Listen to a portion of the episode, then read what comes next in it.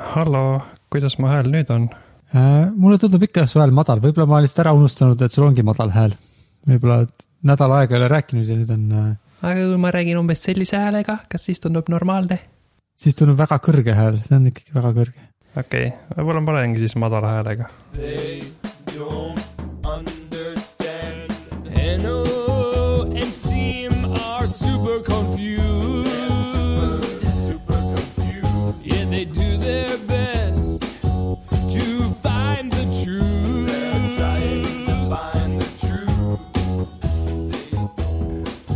Tere, Siim, milliseid uudiseid on sul mulle rääkida siin? tere, Henno äh,. ma pean tunnistama, ma jõin eile kohvi, mis sa sellest arvad? sa laidad selle maha ei laida, tegelikult mul ei ole sellega väga suur probleem, sest tean, et sa ise ei taha juua, aga mis, äh, mille puhul sa siis selle, sellise otsuse tegid?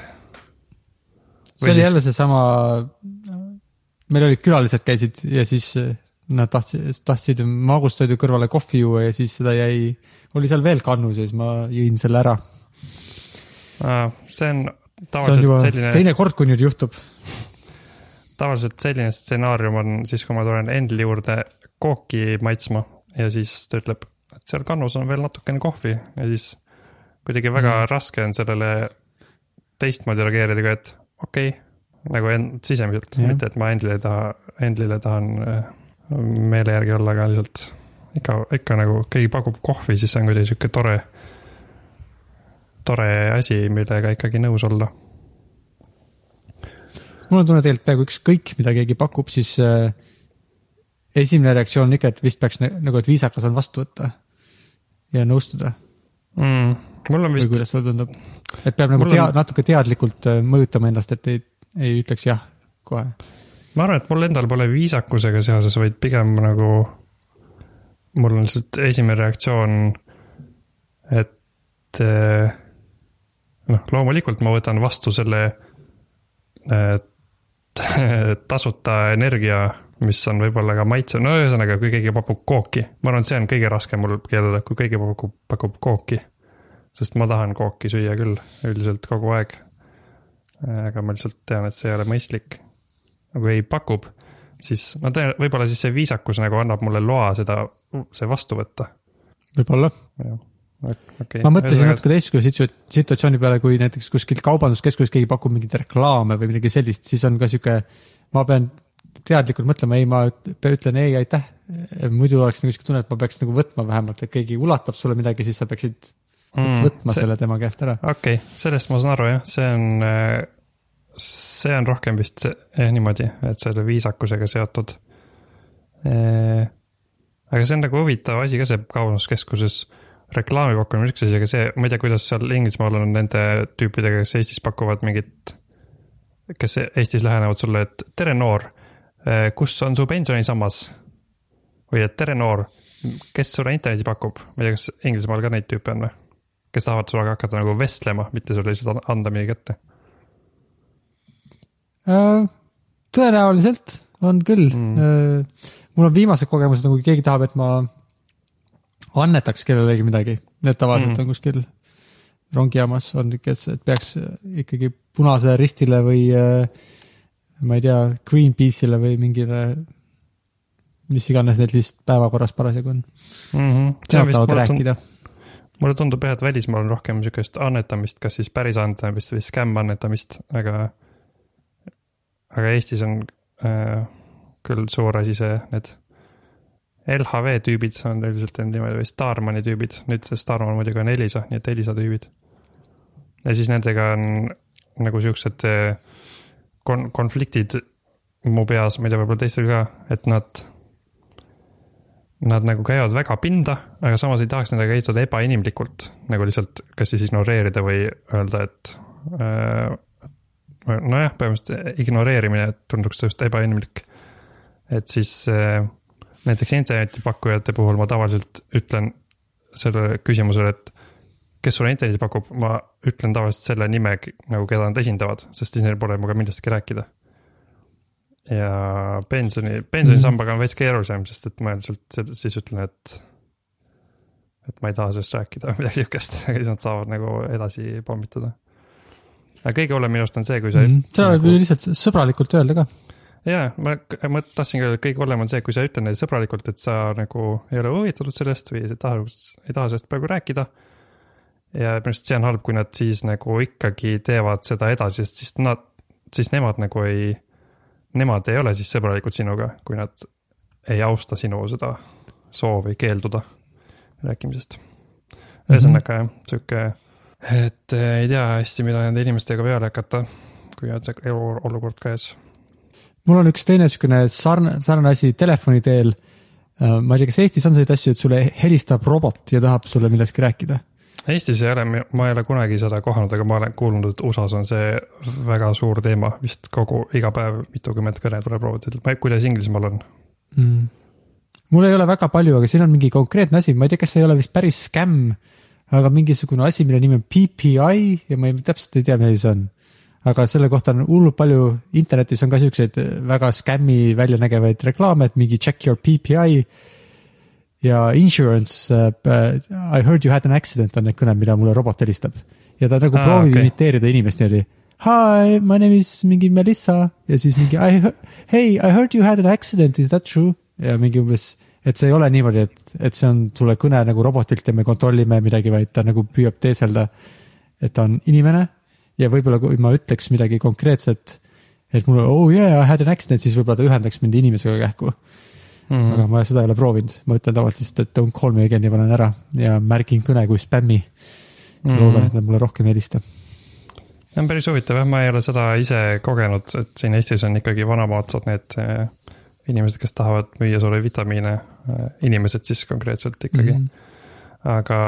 aga enne mul helistasid ka inimesed ja neile ma hakkasin ka ütlema konkreetselt, et kui, kui ma kuulsin esimese lause ära, siis ma ütlesin, et uh, I m not interested, goodbye ja ma mõtlesin lihtsalt, et see ei ole nagu väga, ma ei öelnud seda väga nagu. ma ei proovinud nagu hirmus kuri nende inimeste vastu olla, aga väga konkreetne ja et enda jaoks see võimalikult kiiresti ära lõpetada mm. -hmm. ja tegelikult, kui mõelda, siis sa ka säästad ju nende aega sest et eh, kui sa ei pane ära, siis nad on kohustatud ütlema järgmist asja oma juhendist. ja siis neil läheb kauem aega, et helistada mm -hmm. inimesele, kes päriselt on huvitatud. nii et see on ainult hea, aga ma tahtsin rääkida, et mul on vist üks kogemus elus, kui ma olen robotiga rääkinud, kui ma olin New Yorgis reisil ja ma väga tahtsin osta AirPod'e, mida oli väga raske saada sel hetkel. siis ma helistasin vist mm -hmm. kuskile Apple, Apple'ile ja, ja siis ma mingit, võttis vastu mingi mees ja ta tundus sihuke hästi kahtlane, aga samas ta nagu, ma sain temaga rääkida ja ta vastas mulle. aga mingi hetk ma sain ikkagi aru, et ta vist on robot, sest et ta nagu. ma enam ei mäleta, mis ta täpselt ütles, aga, aga see oli huvitav kogemus, ma polnud varem olnud robo-, ma polnud varem robotiga rääkinud, kes nagu reageerib mu sõnadele enam-vähem mm. -hmm. jah, Google'il on mingisugune projekt, mis see nimi oligi, mis väga hästi matkib inimkõne seal mingi demo oli jah, vist selline, et. jah. on vist küsitav, kui palju, kas, kui palju sellest demost oli nagu äh, setup ja kui palju oli päriselt, aga tõesti oli, demo oli see, kus ta helistas ja pani kellelegi kas juuksuri aja võib-olla ja tellis võib-olla süüa kuskilt hiinakast. Äh, ja sihuke nagu vähemalt see demo, demo käigus kõlas küll päris naturaalselt jah, ja vastas isegi kui see äh, hiinaka äh, teenindaja nagu ei saanud millestki õigesti aru, siis ta nagu ikkagi kordas ennast ja nagu suutis mm -hmm. selle tellimuse normaalselt ära teha. jah, Google Duplex on selle projekti nimi, see oli päris äh, huvitav jah, sest et ta isegi, ta nagu imiteeris seda inimkõne nii hästi, et ta noh, teeb siukseid asju nagu mina praegu, et mingit sõnu võib-olla venitab nagu mingi mõttepausid on ja mingi ööd olid sees ja noh. kõik sellised asjad, et aga ma mõtlen mm -hmm., tahtsin seda küsida, et kas sa tead midagi selle kohta, et kas Google'il on ilmselt mingid ranged äh, äh, guideline'id, et neid, et see, see asi ei satuks robot spämmerite kätte mitte kunagi sihuke tehnoloogia. et ilmselt nad äh, ei, kuidas öelda, ei müü nagu, ei, ei hakka rakendama seda kuidagi mm, kahjustavalt inimkonnale, loodetavasti. sest demo, demo äh, ma nagu, seda. sest demo, demos seda, et see inim- äh, see rob-, robotkõneleja nagu saab sinu eest eh, book ida mingit eh, laudu ja tellida toitu, on ju. et lo-, loodetavasti see ei lähe kuidagi vastupidiselt käima. mm,. no ma arvan, ma nagu kahtlustaks ka, et see põhiliselt ongi ikka selle jaoks, et see assistent ja, ja üldse siuksed nagu, nagu pool kommer-, kommertskõned. päris äh, tore on muidugi, kui äh, siis võib hakata juhtuma niimoodi mingi hetk, et äh, robot helistab robotile mm. -hmm, tõenäoliselt küll, kellegi äh, sai, sai palju nalja selle üle tehtud, kuidas need robotid siis hakkavad seda modemi häält üksteisele tegema, et nagu minna üle inimsuhtlemiselt nagu kõrgema mm. bandwidth'iga kanali peale või midagi. et ei ole vaja aega raisata nendele sõnadele ja imiteerimisele yeah., vaid otse binaarkoodis mm.. et mingisugune sala, sala sihukene äh, piiksuv hääl on kuskil taustal ja kui mõlemad pooled seda teevad, siis nad teavad, et nad võivad minna üle robotkõnele mm. -hmm. Robotid jah, nii et robotid praegu on hakanud inimesi tüütama telefoni teel. huvitav, kas, äh, kas roboteid võiks kasutada ka ära, kui tahaks kuskile kaugemale reisida? selles mõttes, et, et praegu uurime nii palju, et kuidas inimestel on raske kaua olla kosmoses, aga nojah, nagu ma rääkisin, see NASA tegi selle robonaudi mingi katse, aga see vist on pigem aitamiseks, ma mõtlen, et. et päris niimoodi vist äh, ei saa, et robotid lähevad, ehitavad koloonia ja siis me saame sinna minna elama. praegu on ikkagi vist piirdunud sellega, et robot äh,, robotkulgur läheb Marsile ja siis oskab sõita edasi, aga ikkagi peame kõike juhtima ise see vist natuke kaugele jääb see äh, aja, ajalise mõttes, et robotid saaks meie eest avastada universumi jah, päris autonoomselt. ma ei ole ka kursis, et oleks mingit väga autonoomset robotit, kes väga palju ise midagi teeks mm. -hmm. et kindlasti nad, no selles mõttes ma kujutan ette, et keegi ei juhi seda Curiosity't ja Opportunity't ja Spirit'it või kes nad seal äh, Marsi peal näiteks on, sest et see on ikkagi nii kaugel. kaugel see siis on, kas ta oli umbes pool tundi võtab aega, et sõnum jõuaks ühest, ühelt planeedilt teisele või midagi sellist või mm.? kas võib olla? Marsilt maale oli kaheksateist minutit või? nii, Earth, Mars, seal on kirjas kolm kuni kakskümmend üks minutit. Kas siis see on nii, nii suur, nojah, kui nad on kohakud, siis võib-olla on vähem. nii et kolm kuni kakskümmend üks minutit. jah, see, no kolm ka... oleks isegi tehtav võib-olla natuke. jah, see on silmselt siis, kui ta on täpselt äh, kõige lähemal, mis on siis viiskümmend viis miljonit kilomeetrit. viiskümmend viis miljonit kuni kolmsada kaheksa, seitsekümmend kaheksa miljonit kilomeetrit on see kaugus ja kuuga on delay üks koma kolm mm. sekundit, see on suht okei okay.. no et kuu peal saaks peaaegu teha, eks ju niimoodi, et saaks nagu äh, real time juhtida midagi, eks ju, et sul on väike kontroller käes ja juhid seda kulgurit kuu peal ja on lihtsalt mm -hmm. sihuke nagu mängiks vastiku lag'iga mingisugust arvutimängu. aga ja. Marsi peal põhimõtteliselt ei saa niimoodi teha, siis nad peavad ikkagi sel määral olema vähemalt autonoomsed, sa ütled talle, palun tee nüüd need asjad ja siis ta nagu iseseisvalt teeb need. aa, nojah, et ta sõidab sõidab ringi, võtab proovid ja saadab siis proovi tulemused sulle, on ju. selles mõttes ta on ikkagi autonoomne. nojah mm. -hmm. ma, siis ma, ma ei tea, kui täpselt need teated talle antakse, aga ilmselt tal ikkagi omajagu autonoomsust on, et ei ole umbes nii, et et öeldakse, et ma ei tea, täiskäik edasi kolm minutit ja siis lõpeta ja keera nii palju vasakule ja siis uuesti. et võib-olla ta ikkagi natukene antakse talle teada, et palun sõida sinna ja, ja ta hakkab sõitma ja kui näeb, et on mingi kivi, siis peatub iseseisvalt ja noh, mingid oletan mm, -hmm. tal mhm. on, et nad ikka natuke sihukest vähemalt äh, minutite küsimuses võivad olla autonoomselt ise asju teha. Nii tark ta ilmselt on. aga see oleks jah cool, kui saaks, ma selle Marsi peal lendamisega seoses vähemalt, mul on, võib-olla see on ulmejutt, aga et, et, et just see baasi ehitamine või mingi, sellest on minu arust küll juttu olnud, et enne peaks saatma sinna mingid robotid, kes ette valmistaksid asju. okei. noh, selles mõttes. mõned asjad see... nad võiksid ju teha, et sihukest nojah. et kas kaevata siis... mingit äh, tunnelit või mingit 3D printida mingisugust kuplit tsemendist või mingit sihukest asja saaksid nad, kui on nagu täpselt ette määratud ja nad on selleks eesmärgiks loodud, siis nad saaksid teha midagi.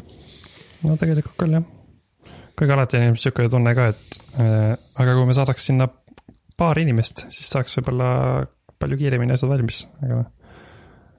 muidu baasi ehitamisega seoses just, just hiljuti see NASA ma just nägin, reliisis mingi PR video, kus, mis annab edasi sõnumi, et kaks tuhat kakskümmend vist ehitame kuu peale laheda baasi mm. -hmm. kust saab siis edasi minna, aga noh. see on jah, sihuke rohkem sihuke PR, ma ei tea, kui, kui tõsi see on, et kaks tuhat kakskümmend tegelikult ka mingit baasi sinna ehitatakse. minu arust iga aasta on mingisugused eh, kaugena tunduvad aastaarvud, mis ei jõua kunagi kätte. või siis, kui jõuavad, siis ma enam ei mäleta, et tegelikult selleks ajaks lubati, et on baas kuu peal mm. -hmm meie vist otsustasime, me kumbki Marsi peale väga ei tahaks minna, jah, praeguse seisuga. aa, ma sinu käest ei küsinudki, jah. sa, miks sa ei taha minna? Ma arvan ka, ma olen kuulnud, et see on võib-olla ühe, üsnagi ühe otsa reis ja võtab jube kaua aega ja päris ohtlik ilmselt ka, nagu ei ole nii.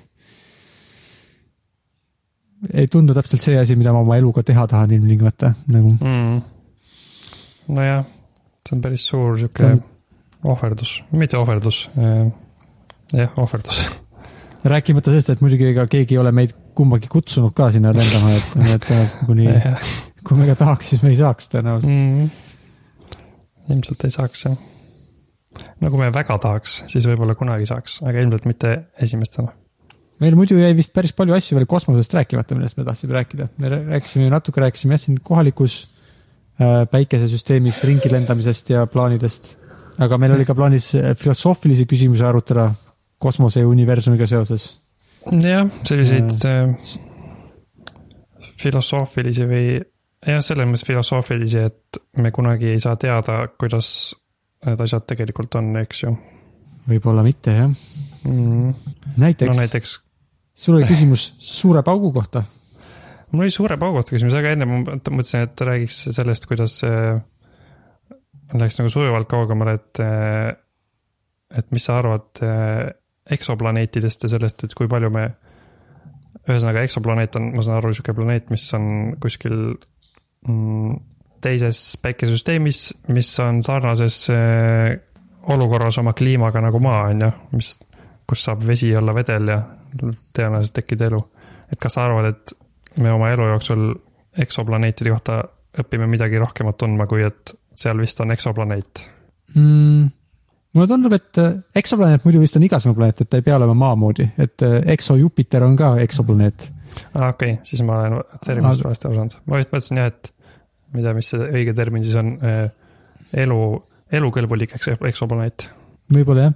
ma just hiljuti kuulsin, et minu arust mõned päevad tagasi oli äh, uudis, et mingisuguse eksoplaneedi atmosfäärist tuvastati vett.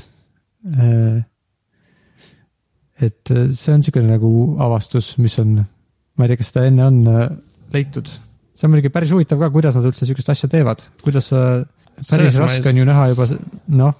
et sellest ma küll aru ei saa jah, kuidas sa saad aru, et mis seal planeedil toimub, ma saan aru, et üldse, et seda planeeti näha, nad vist eh, vaatavad mingeid kaugeid tähte. ja siis vaatavad, kuidas see täht vilgub regulaarselt, mis tähendab tõenäoliselt, et mingi planeet läheb sealt mööda. ja siis ma veel ei kujuta ette, kuidas nad saavad aru, kui kaugel see planeet on sellest konkreetsest tähest, et, et aru saada, et et seal on äh, selline elukõlbulik kliima. Ühesõnaga mm. neid planeete leida on üldse juba keeruline, et, et sa vaatad mingisuguse vilkuva tähe järgi, et seal on midagi, aga ma ei tea, kuidas sa, sa saad öelda. või kas nad ütlevad lihtsalt selle järgi, et seal on vett, et, et nad siis on arvutanud, kui kaugel äh, või et mis temperatuur seal umbes on seoses, seoses tähe suuruse ja planeedi kaugusega tähest või, või nad te, tegelikult leidsid sealt mingi konkreetsema tõe, tõendi vee kohta ma olen, minu meelest see on konkreetsem tõend, sest mm. on nagu, vist on muidugi rohkem kui kaks meetodit, aga kaks meetodit, mida mina tean nende eksoplaneete avastamiseks, üks on jah see transiidimeetod, kus täht vilgub natuke. ta vilgub siis sellepärast, et kui juhtub, kui planeet, mis ümber tähe keerleb äh,, satub olema täpselt maa ja selle teise tähe vahel, siis äh, osa tähevalgust äh, jääb selle planeedi taha sel hetkel, kui planeet sealt mööda läheb ja siis tõesti täht vilgub korraks või valgus väheneb hetkeks. Ja see on see meetod, mille abil õnnestub ka äh, nagu teada saada midagi selle tähe atmosfäärist, sellepärast et see, kui spektromeetriga vaadata seda tähevalgust, siis, siis kui planeet parasjagu sealt eest läbi ei lähe, siis äh, on võimalik kindlaks teha umbes, kui palju erinevaid elemente selles äh, tähes on.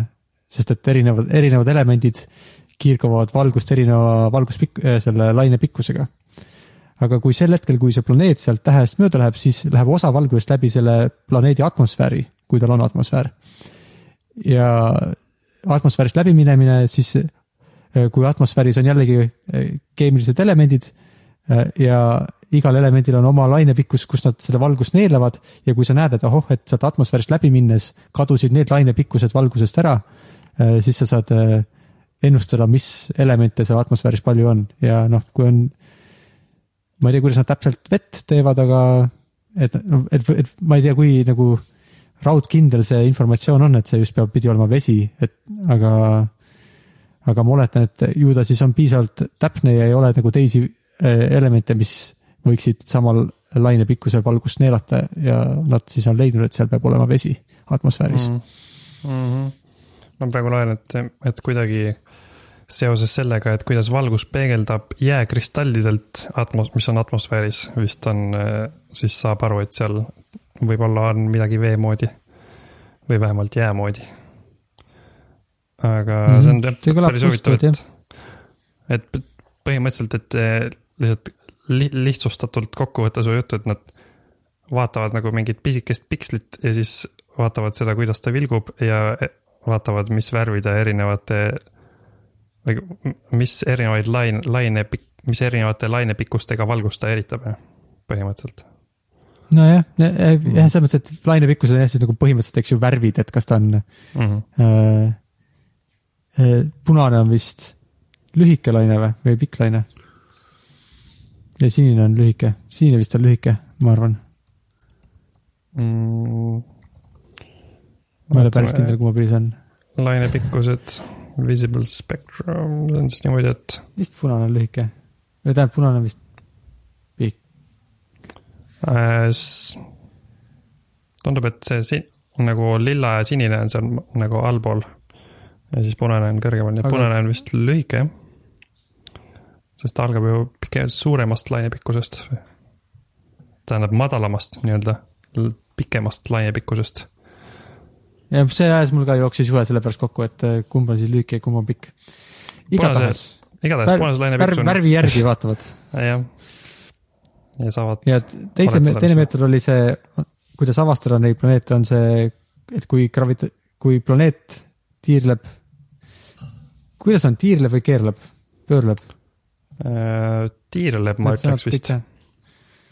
tiirleb ümber oma tähe, siis äh, äh, kuna see planeet tiirleb ümber tähe, sellepärast et tähe gravitatsioon sikutab seda planeeti, siis tegelikult planeedi gravitatsioon sikutab ka seda tähte. ja siis selle nagu tähe, kui täht natuke õõtsub edasi-tagasi, siis selle järgi on võimalik äh, kindlaks teha, et seal peab, peab olema planeet.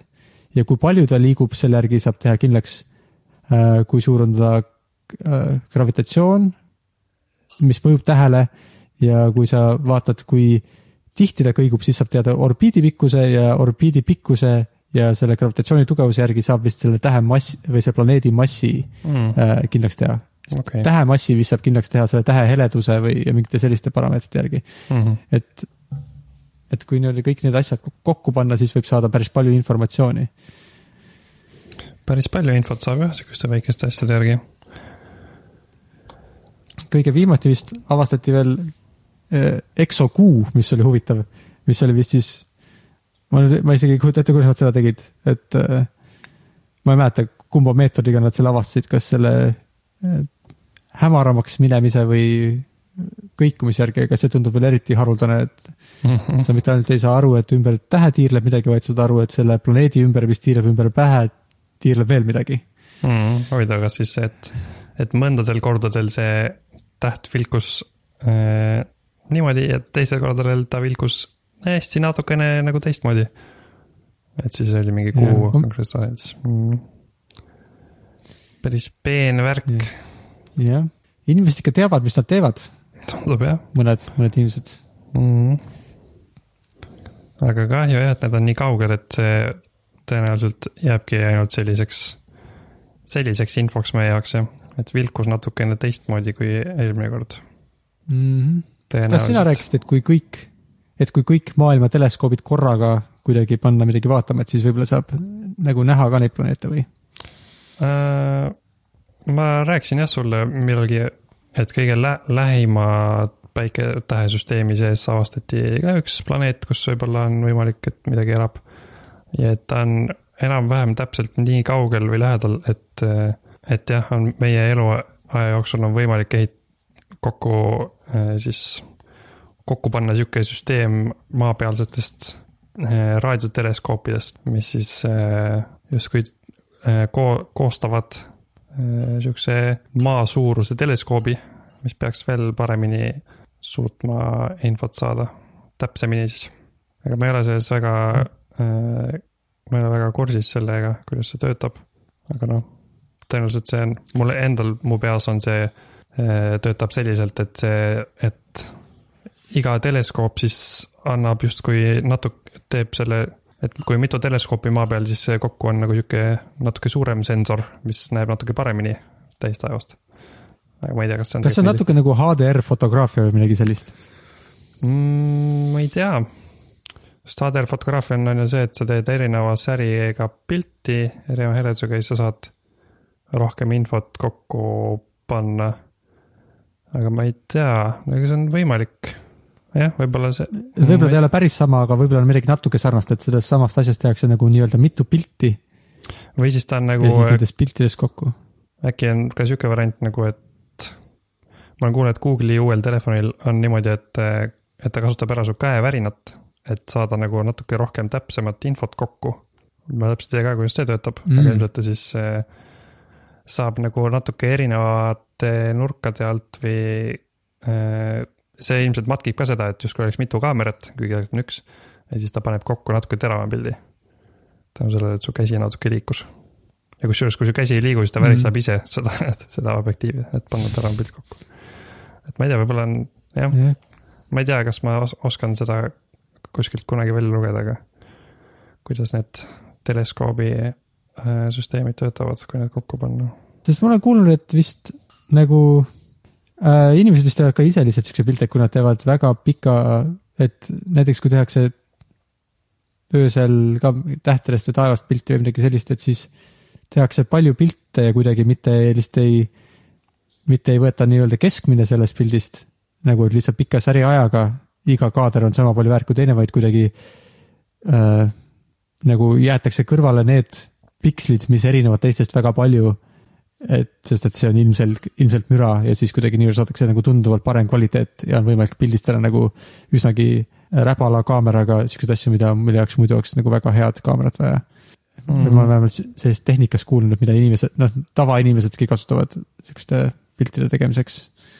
mitte nagu mm. ainult äh, raadioteleskoopide operaatorid mm. -hmm. no ma ise, ma ma tean seda, et äh, näiteks üldse Google ja Apple tegelevad vist selle computational photography'ga rohkem nüüd viimasel ajal, et Apple seletas oma seal keynote'is, kuidas äh, see telefon teeb tuhandeid pilte ühe korraga ja siis, aga, aga see on pigem ikkagi selle jaoks, et ta paneb kokku siis nagu äh, sellise pildi, kus on, ei ole ülepõlenud kohti ega alasäilitatud kohti.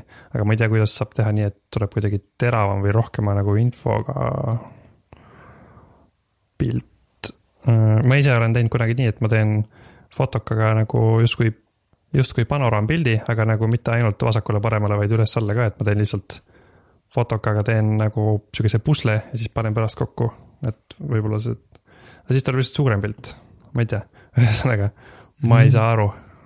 aga, aga ma lugesin, et eh, see on, on võimalik, et me sihukese tehnoloogiaga saame selle tähe kohta või selle planeedi kohta natuke rohkem teada, võib-olla isegi saame natuke seda kaardistada võib-olla saame kliima kohta täpsemalt midagi teada.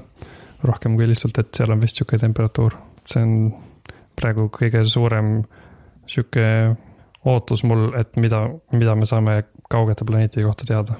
kas see on siis alfa Centauri või alfa Proxima või mingi selline tähesüsteem, millest mm,, millest jutt on või? see jutt oli Barnard, Barnardsi, Barnardsi tähest ah.. see on.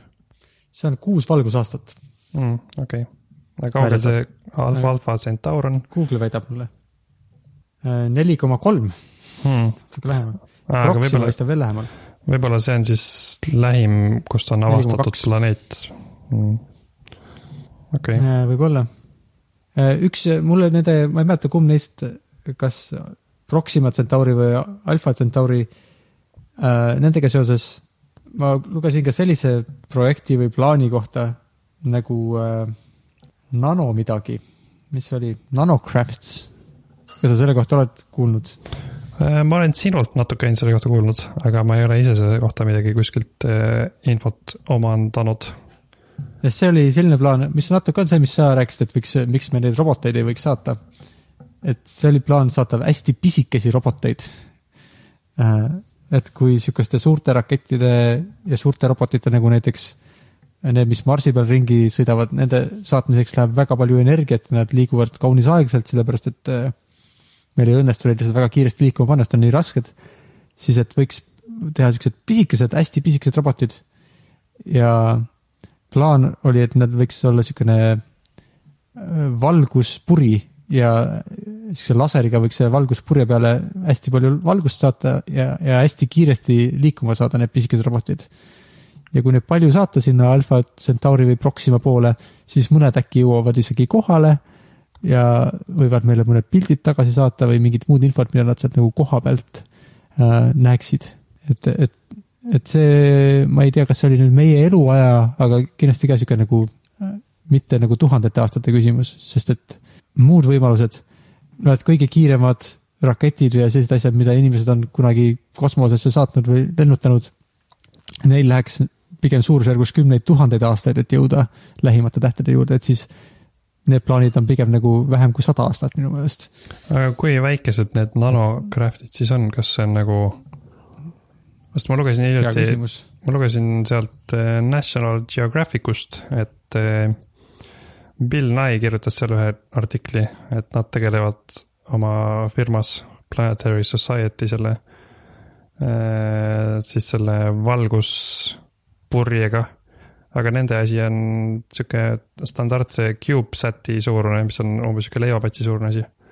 kuigi noh, see on võib, võib-olla see tähendabki siis kosmosejaama puhul või kosmoselaeva puhul nagu nano suurust. Äh, ma ei tea, vaatame, kas siin on sest siin on nagu selline, ma panin sulle lingi sellest, kohe esilehel on pilt, milline see välja näeb, selline hästi suur nagu läikiv ruut, kus keskel on siis mingisugune seadeldis.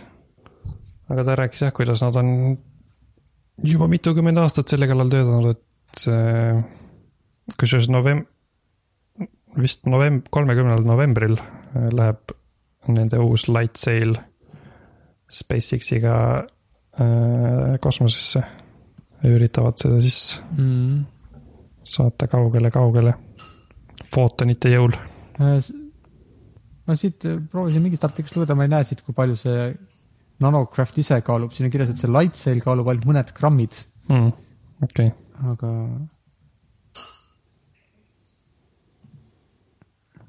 mm,. juba seitsmekümnendatel hakati light sail'iga tegelema, nii et nüüd on siin on ikka kirjas, et äh, Vikipeedias on kirjas, et the spaceship will compensate for the low thrust by having a mass of only a few grams, nii et tundub, et see terve, terve nanocraft on mõned grammid, et väi-, tunduvalt väiksem kui need CubeSatid. okei okay,, see light sail on viis kilogrammi, see ei ole mõni gramm jah. okei okay,, nii et need erinevad asjad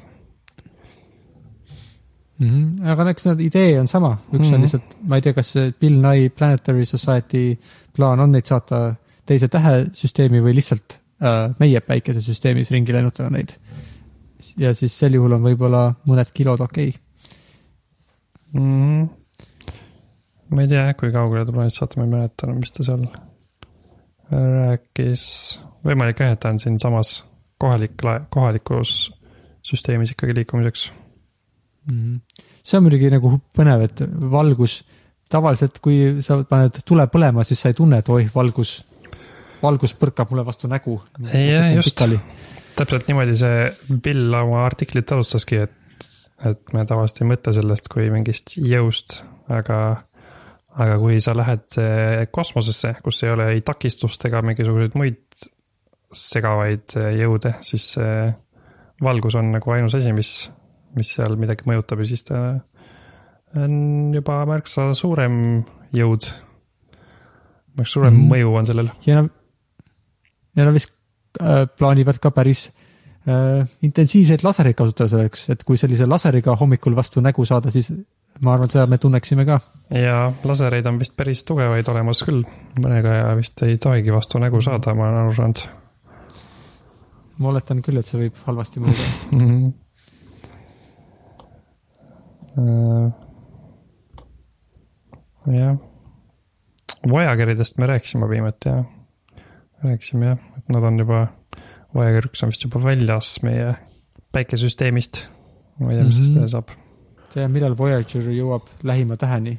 jah, ja, jah, aga mind jah on huvitanud siuksed küsimused ka, siuksed filosoofilised, mis, kui kaugele üldse nagu saab minna. seda on väga raske hoomata vist, aga kas on võimalik, et eh, kas ikkagi universum on lõputu või, või kui ei ole, siis mis, kas universumist väljaspool on ka midagi huvitav? Sest mul on raske nagu ma arvan, et tegelikult inimestel üldse on raske vist hoomata seda, et, et on mingi koht, kust sa ei saagi minna välja, sest see koht on nagu nii-öelda viimane level mm. tundub mulle natuke sihuke, mulle nagu meeldib selle, sihukeste asjade peale mõelda, sest et see tundub nii, no nagu ma juba ütlesin, hoomamatu. aga samas. ma mäletan ka, kui millalgi, mulle tundub, et võib-olla mulle isa kunagi lapsena rääkis seda või ja siis mul oli ka nagu siukene tunne nagu what, kuidas see võimalik on ja siis oli sihuke, ma nagu mäletan mingit emotsiooni. kuidas see oli nagu täiesti, kuidas, mis, kuidas see saab olla, see on ju võimatu. kuidas mm -hmm. saab olla nii, et sa ei saa minna edasi või nagu, et, et aina lähed ja lähed, aga kunagi ei jõua lõpuni yeah.. sest et kõik asjad, mida me igapäevaelus näeme, alati neil on kuskil lõpevad ära. Jah, kuskil on mingi piir ja kuskilt hakkab weird. mingi uus asi mm. -hmm Äh, aga huvitaval kombel muidugi äh, universumi kohta praeguse seisuga on ka sihuke termin nagu nähtav universum, mis on äh, lõplik või nagu selles mõttes, et me ei ole näinud lõputut universumit, sest et ükskõik, mis suunas me vaatame, siis me näeme suurt pauku, mis on põnev. või no mitte päris suurt pauku, aga noh, mõni aeg peale suurt pauku, kui on kosmilise, kosmiline mikrolaine taust või, kas see on õige termin mm., mida on näha kõikides suundades. et, et selles mõttes nähtav universum on piiritletud sihuke sfäär, mida me siit äh, maa pealt näeme mm. -hmm. nojah, sest see on loogiline, et me räägime sellest, mida me ainult suudame näha, aga see on ka loogiline, et see, mida me ei näe, äh, on ka olemas, aga, aga siis on veel mm -hmm. raskem aru saada, kui palju seda seal on. Muidu selle suure pauguga äh, mulle meeldib samamoodi nagu mulle meeldib mõelda, et kuidas, et mis universumist väljaspool on.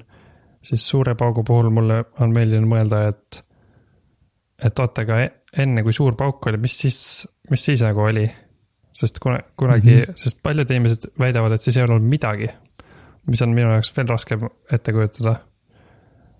kuidas see, kuidas saab olla, et ei olnud midagi, nagu nii-öelda äh, et siuksed teoreetikud väidavad, et ei olnud isegi aega, sest noh, aeg ja ruum on omavahel seotud. aga mulle mm -hmm. tundub see, mulle tundub see natuke kahtlane. mulle tundub loogilisem teo-, teooria see, et on kogu aeg on olnud midagi ja lihtsalt äh, suur pauk, mis tegelikult ei olnud nagu mingi pauk, et see oli nagu lihtsalt universumi äh, siis küll laienemine. et äh, lihtsalt enne seda oli tihedam universum ilmselt, kuigi siis tekib jälle küsimus, et mis enne seda oli ja mis enne seda. no ühesõnaga, kunagi mulle meeldis mõelda, et kuidas nagu tekkis, kui ei olnud mitte midagi, siis kuidas sai tekkida midagi. see oli sihuke mm, peadpööritav mõte mul kunagi, aga nüüd ma. mul mõte on natuke muutunud, et ma enam ei usu, et ei olnud ole, et mitte midagi ei olnud mitte kuskil, sest see ei tundu eriti loogiline hmm.. mulle tundub, et nagu, et selle küsimuse vist vastata ei saa jah, selles mõttes, sellepärast ta vist on jah filosoofiline mm. -hmm. et me isegi tegelikult ei, ei oska seletada, kuidas see suur pauk täiesti alguses või nagu meie arusaam ei suuda seda täielikult nagu kirjeldada. rääkimata siis sellest, mis enne seda oli. Äh, või jah, kasvõi mida üldse enne tähendab, et kui sa ütled, et nagu, et kas enne, enne sellel sõnal saab üldse olla tähendus kui tõesti nagu aegruumi ei eksisteerinud ja suure paugu hetkel see aegruum nagu tekkis mm. -hmm. vähemalt aegruum selles tähenduses nagu meie, meie seda tajume. just, et kuidas me seda tajume, et selles mõttes, et mulle see tundub kuidagi sihuke liiga nagu religioosne, et, et äh, mitte midagi ei olnud ja siis kõik tekkis see tundub nagu suht konkreetselt sihuke religiooni äh, esimesed sõnad, aga, aga no ma ei tea, ega ma ei tea ka. ma mõtlesin, et üks asi, millest, ma ei mäleta, kas me oleme rääkinud, aga et, et kas see universum on simulatsioon. et natuke võib seda ette kujutada ka nii, et, et kui, ega universum ei pea simulatsioon muidugi olema, aga kui ta oleks simulatsioon või midagi simulatsiooni sarnast, siis sellel hetkel, kui see nagu programm käima pandi, mis hakkas meie universumit simuleerima, siis enne seda tõesti ei olnud ju mitte midagi selles simulatsioonis, kuigi tegelikult sealt väljaspool on hoopis, on see mingisugune teine suurem universum, kus see simulatsioon toimib või äh, kus mingisugused äh, eriti, eriti arenenud olendid äh, tegid ühe universumi, et vaadata, kuidas see töötab mm,. tõsi jah, mulle seda, see on veel üks asi, mis, mida mulle meeldib ka mõelda, et kui kõik on simulatsioon, et kui kasutada seda mõtet, et see on simulatsioon, siis tõesti on nagu, see on täiesti mõeldav, et ei olnud midagi. Äh, teatud mõttes selles mõttes, et selles universumis ei olnud midagi, aga me... väljaspool või nagu midagi oli, aga see on hoop midagi, võib-olla midagi hoopis teistsugust, mis ei ole üldsegi. Äh, seal võib-olla ei ole aega ja ruumi, vaid on hoopis mingisugused muud, kõik see toimub kuidagi teistmoodi üldse. et aeg ja ruum on nende välja mõeldud kui, oh, see on üks eksperiment, mida oleks tore teha, vaatame, mis siis, kui me, kui oleks olemas aeg ja ruum, proovime mm. niimoodi. no näiteks jah, teine variant on, et seal on samamoodi aeg ja ruum, lihtsalt äh, see natuke teistsugune, aga äh, et jah, siis on, siis justkui on väljaspool midagi, aga see ei ole meie jaoks oluline, sest et see ei ole kuidagi kättesaadav, sest me oleme seal simulatsioonis on ju. teine asi, mis simulatsiooniga on, on see, et. ainult häkkerid saavad välja seepärast, et kui sa, mingi glitch'i tekitad ja, ja jooksutad kokku selle programmi ja siis exploit'id seda operatsioonisüsteemi, mida mm -hmm. nad mhm. kasutavad ja siis äh, sa see... võtad selle arvuti üle kontrolli. äkki kui sa tekitaks mingisuguse glitch'i, et, et mingi asi läheb nii suureks, et ta variseb kokku ja tekib mingi auk äkki siis, kui sa lähed sinna auku, mm -hmm. äkki sa saad välja seda ma arvan küll, et nii on jah peab minema mm. suurde auku. aga muidu simulatsiooniga. kokku. nagu kui mõelda simulatsiooni kontsept, kontseptsiooni peale, siis kui uskuda, et kõik on simulatsioon, siis see on tegelikult põhimõtteliselt nagu üks tüü, religiooni tüüp, on ju. ja, jah, kui sa usud seda, siis küll jah mm., sest et mm. meil puudub igasugune nagu tõendusmaterjal selle kohta, siis sa võid seda arutada, aga kui sa seda nagu hakkad uskuma, siis vist jah mm. -hmm. et noh, keegi lihtsalt mingi hetk pani selle käima ja kuskil on keegi, kes seda ilmselt mingil määral vaatab. ja. võib-olla mm,. no see on jah ka asi, mille peale mulle meeldis kunagi mõelda, kui ma rohkem seda äh, lugesin. see on sihuke veits mõttetu asi, mille kallal nii-öelda tööd teha. aga see on huvitav mõte minu arust me oleme simulatsioonis. simulatsiooni kohta muidugi mul tuli meelde, kellelgi oli mingi tõestus äh, ka või niisugune argument, et miks on tõenäoline, et see, et me elame simulatsioonis. ja see oli vist stat-, statistiline argument. et, et kui, äh, kui me mõtleme oma universumi peale, et kui me, meie tehnoloogia siin areneb nii kaugele, et me suudame simuleerida universumit, siis kindlasti me teeme seda ja me ilmselt ei tee seda üks kord, vaid mitu korda, et nagu erinevad inimesed simuleerivad oma erinevaid universumeid mm. -hmm mis tähendab seda, et nagu simul-, simuleeritud universumite arv on suurem kui mit, äh, naturaalsete universumite arv.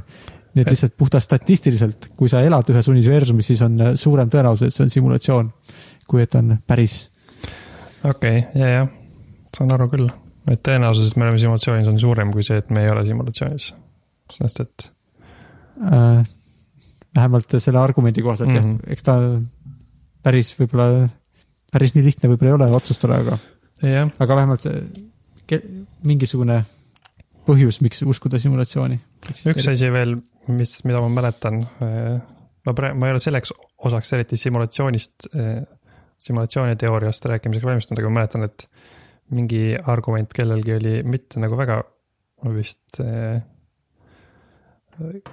põhjapanev argument, aga oli see, et, et kõik see matemaatika ja füüsika on kuidagi kahtlaselt, eh, väga kahtlaselt mingite konkreetsete reeglite järgi toimub kõik. et selle argumendi loojale tundus, et, et see kõlab nagu keegi lihtsalt tegi mingi programmi, kus on konkreetsed reeglid ja kõik eh, mingid valemid ja asjad klapivad omavahel liiga hästi. et see tundub nagu mingi programm. Mis on mm, -hmm. ma ei tea, mis sa sellest arvad? ma ei tea jah see selles mõttes, et kui sa teeksid programmi, siis ilmselt klapiksid asjad mõnevõrra hästi küll, sa nagu valiksid mm. nad välja, nii et. aga see eeldab vist seda, et siis seal mm, päris maailmas oleks kuidagi teistmoodi, mis on samas, ei ole vist põhjust, et oleks kuidagi äh, niimoodi, et asjad klapivad halvem, halvemini omavahel kokku. jah, vaata, just korra mainisid, et kas seal päris maailmas üldse on aeg ja ruum ja sa kohe ütlesid, et see võib ikka olla küll aeg ja ruum.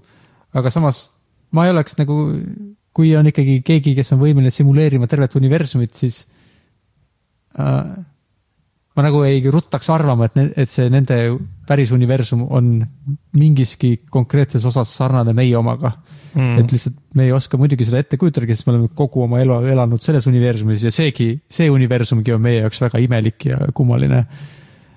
aga siis, kui sa kui see universum on simulatsioon mingisuguses teises süsteemis, mis iganes olla võiks, siis äh, nagu arvata, et see on samasugune, see tundub veel, noh, ta võib olla muidugi samasugune, aga, aga tundub peaaegu, noh, et siis on võib-olla küsimus, et miks keegi peaks simuleerima ühte universumit, kas selle jaoks, et kas ta simuleeriks universumit, mis on oma universumiga sarnane või ta simuleeriks universumit, mis on teistsugune mm. -hmm, kas ta on... tahab näha, kuidas teistsugused universumid töötavad või ta tahab natuke tweak ida mingeid parameetreid ja vaadata, mis siis, kui oleks niimoodi mm. -hmm.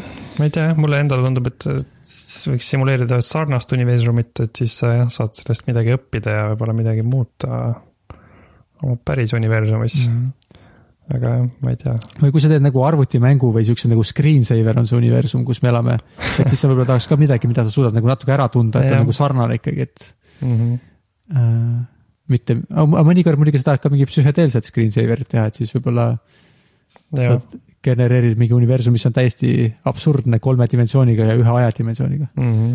aga muidu selle suure pauguga seoses veel, et mingi hea video oli, ma panen selle kuskile, kus, kus räägiti siis sellest mõttest, et et ilmselt ei olnud nii, et ühest punktist kõik hakkas välja laienema, vaid lihtsalt see universumi osa, mis sa ütlesid, see näht-, nähtav universum või, oli see eesti keeles mm? -hmm, jah et see, kuna me näeme ainult seda ja saame mõelda ainult, mis sellega toimus, siis noh, see tundub jah meile nagu punktina.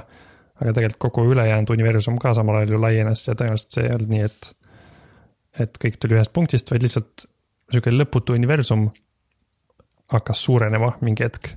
mitte, et üks punkt plahvatas universumiks. ühesõnaga sihuke. selles mõttes. see tundub loogiline kuidagi mu jaoks. jah mul, minu meelest ma ei ole päris kindel, et ma saan suurest paugust ilmtingimata hullult hästi aru, pigem ei saa.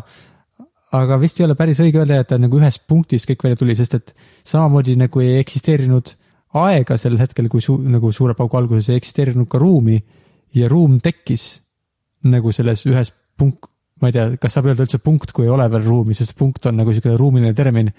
aga nagu ruum tekkis mm. -hmm. ja kogu see universum tekkis seal ja ta ei ole nagu kuskil sees, et ta ühest punktist tuli välja, vaid lihtsalt kogu see lõpmatu ruum lihtsalt sel hetkel hakkas eksisteerima mm. -hmm. et ta ei tulnud nagu ühest punktist välja, ta paisus küll, aga see paisumine ei tähenda seda, et ta nagu sealt oli nagu alguses kõik ühes ruumipunktis koos ja sealt nagu välja paiskus, vaid ta võis ka olla lihtsalt alguses tekkis üks lõpmatu universum, mis on natuke väiksem ja siis paisus väga kiiresti üheks natuke suuremaks ja mm -hmm. aga ikkagi lõpmatuks universumiks ja praegu veel jätkuvalt paisub veel suuremaks ja veel lõpmatumaks universumiks. jah, seda ma vist pole veel maininud, et praegu universum aina, aina suurema kiirusega paisub, on ju, või laieneb. jah, see on see musta energia või tumeda energia salapärane küsimus, et miks ta paisub mm. -hmm. et äh, universumis justkui on mingi energia, mis sunnib teda paisuma, aga keegi ei tea, mis energia see on või kus või miks ja keegi pole näinud mm. -hmm jah, see on ka see, kui ma mõtlen, et mis universumist väljaspool on, siis see on, on ka sihuke raske seda tunnet nagu kirjeldada, aga sihuke tunne, et keegi ju on seal väljaspool ka ja, ja näeb, mis toimub ja kas siis keegi siis nagu mõjutab seda, okei okay,, läheb natuke religioosseks juba, aga no lihtsalt natuke sihuke tunne on, et kui sa lähed kuskilt välja, siis keegi on seal väljaspool ka, on ju, kes tegeleb sellega, mis, kust sa tulid välja.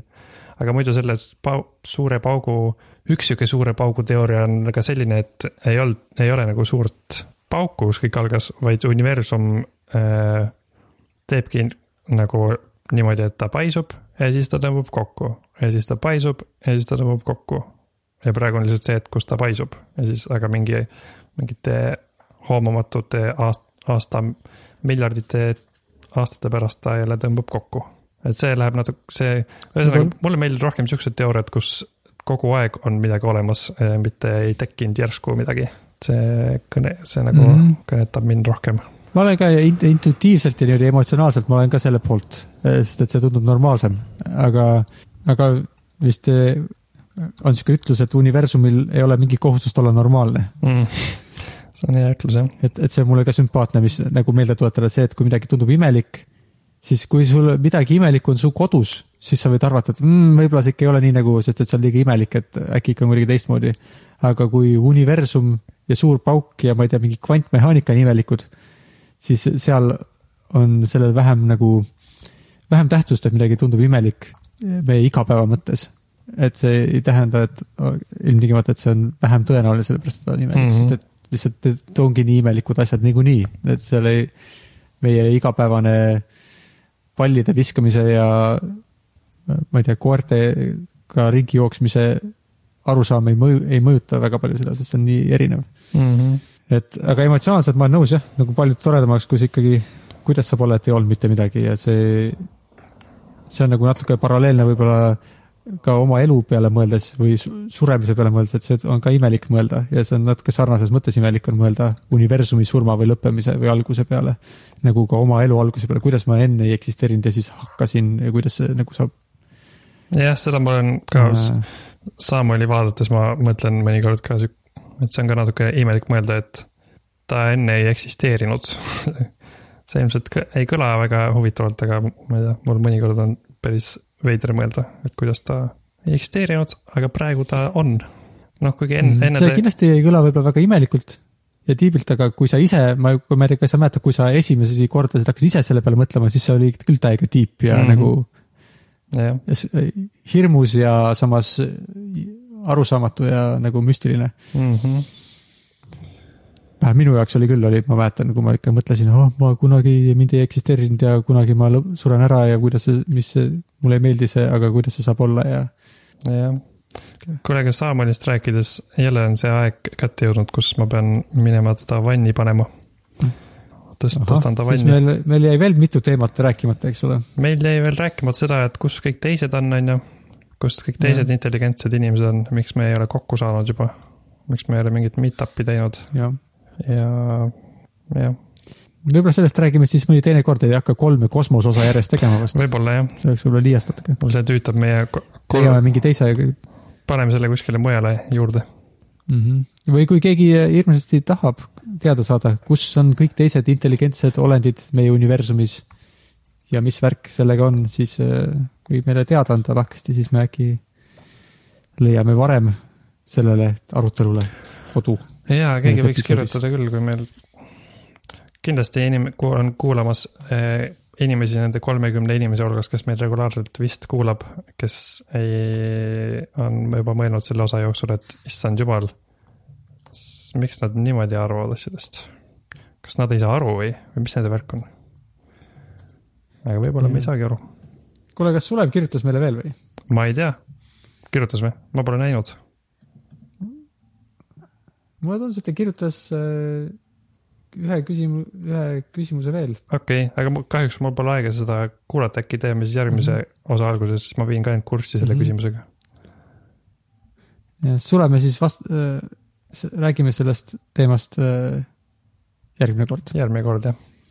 järg-, järgmise korrani mm -hmm. Sulev, Sulevi kiri ja Siim. Ja head head tervislikku, tšau, head tervislikku hommikusööki sulle. Mm,. aitäh, sulle ka maitsvaid küpsiseid. Aitäh, ma lähen, otsin neid küpsiseid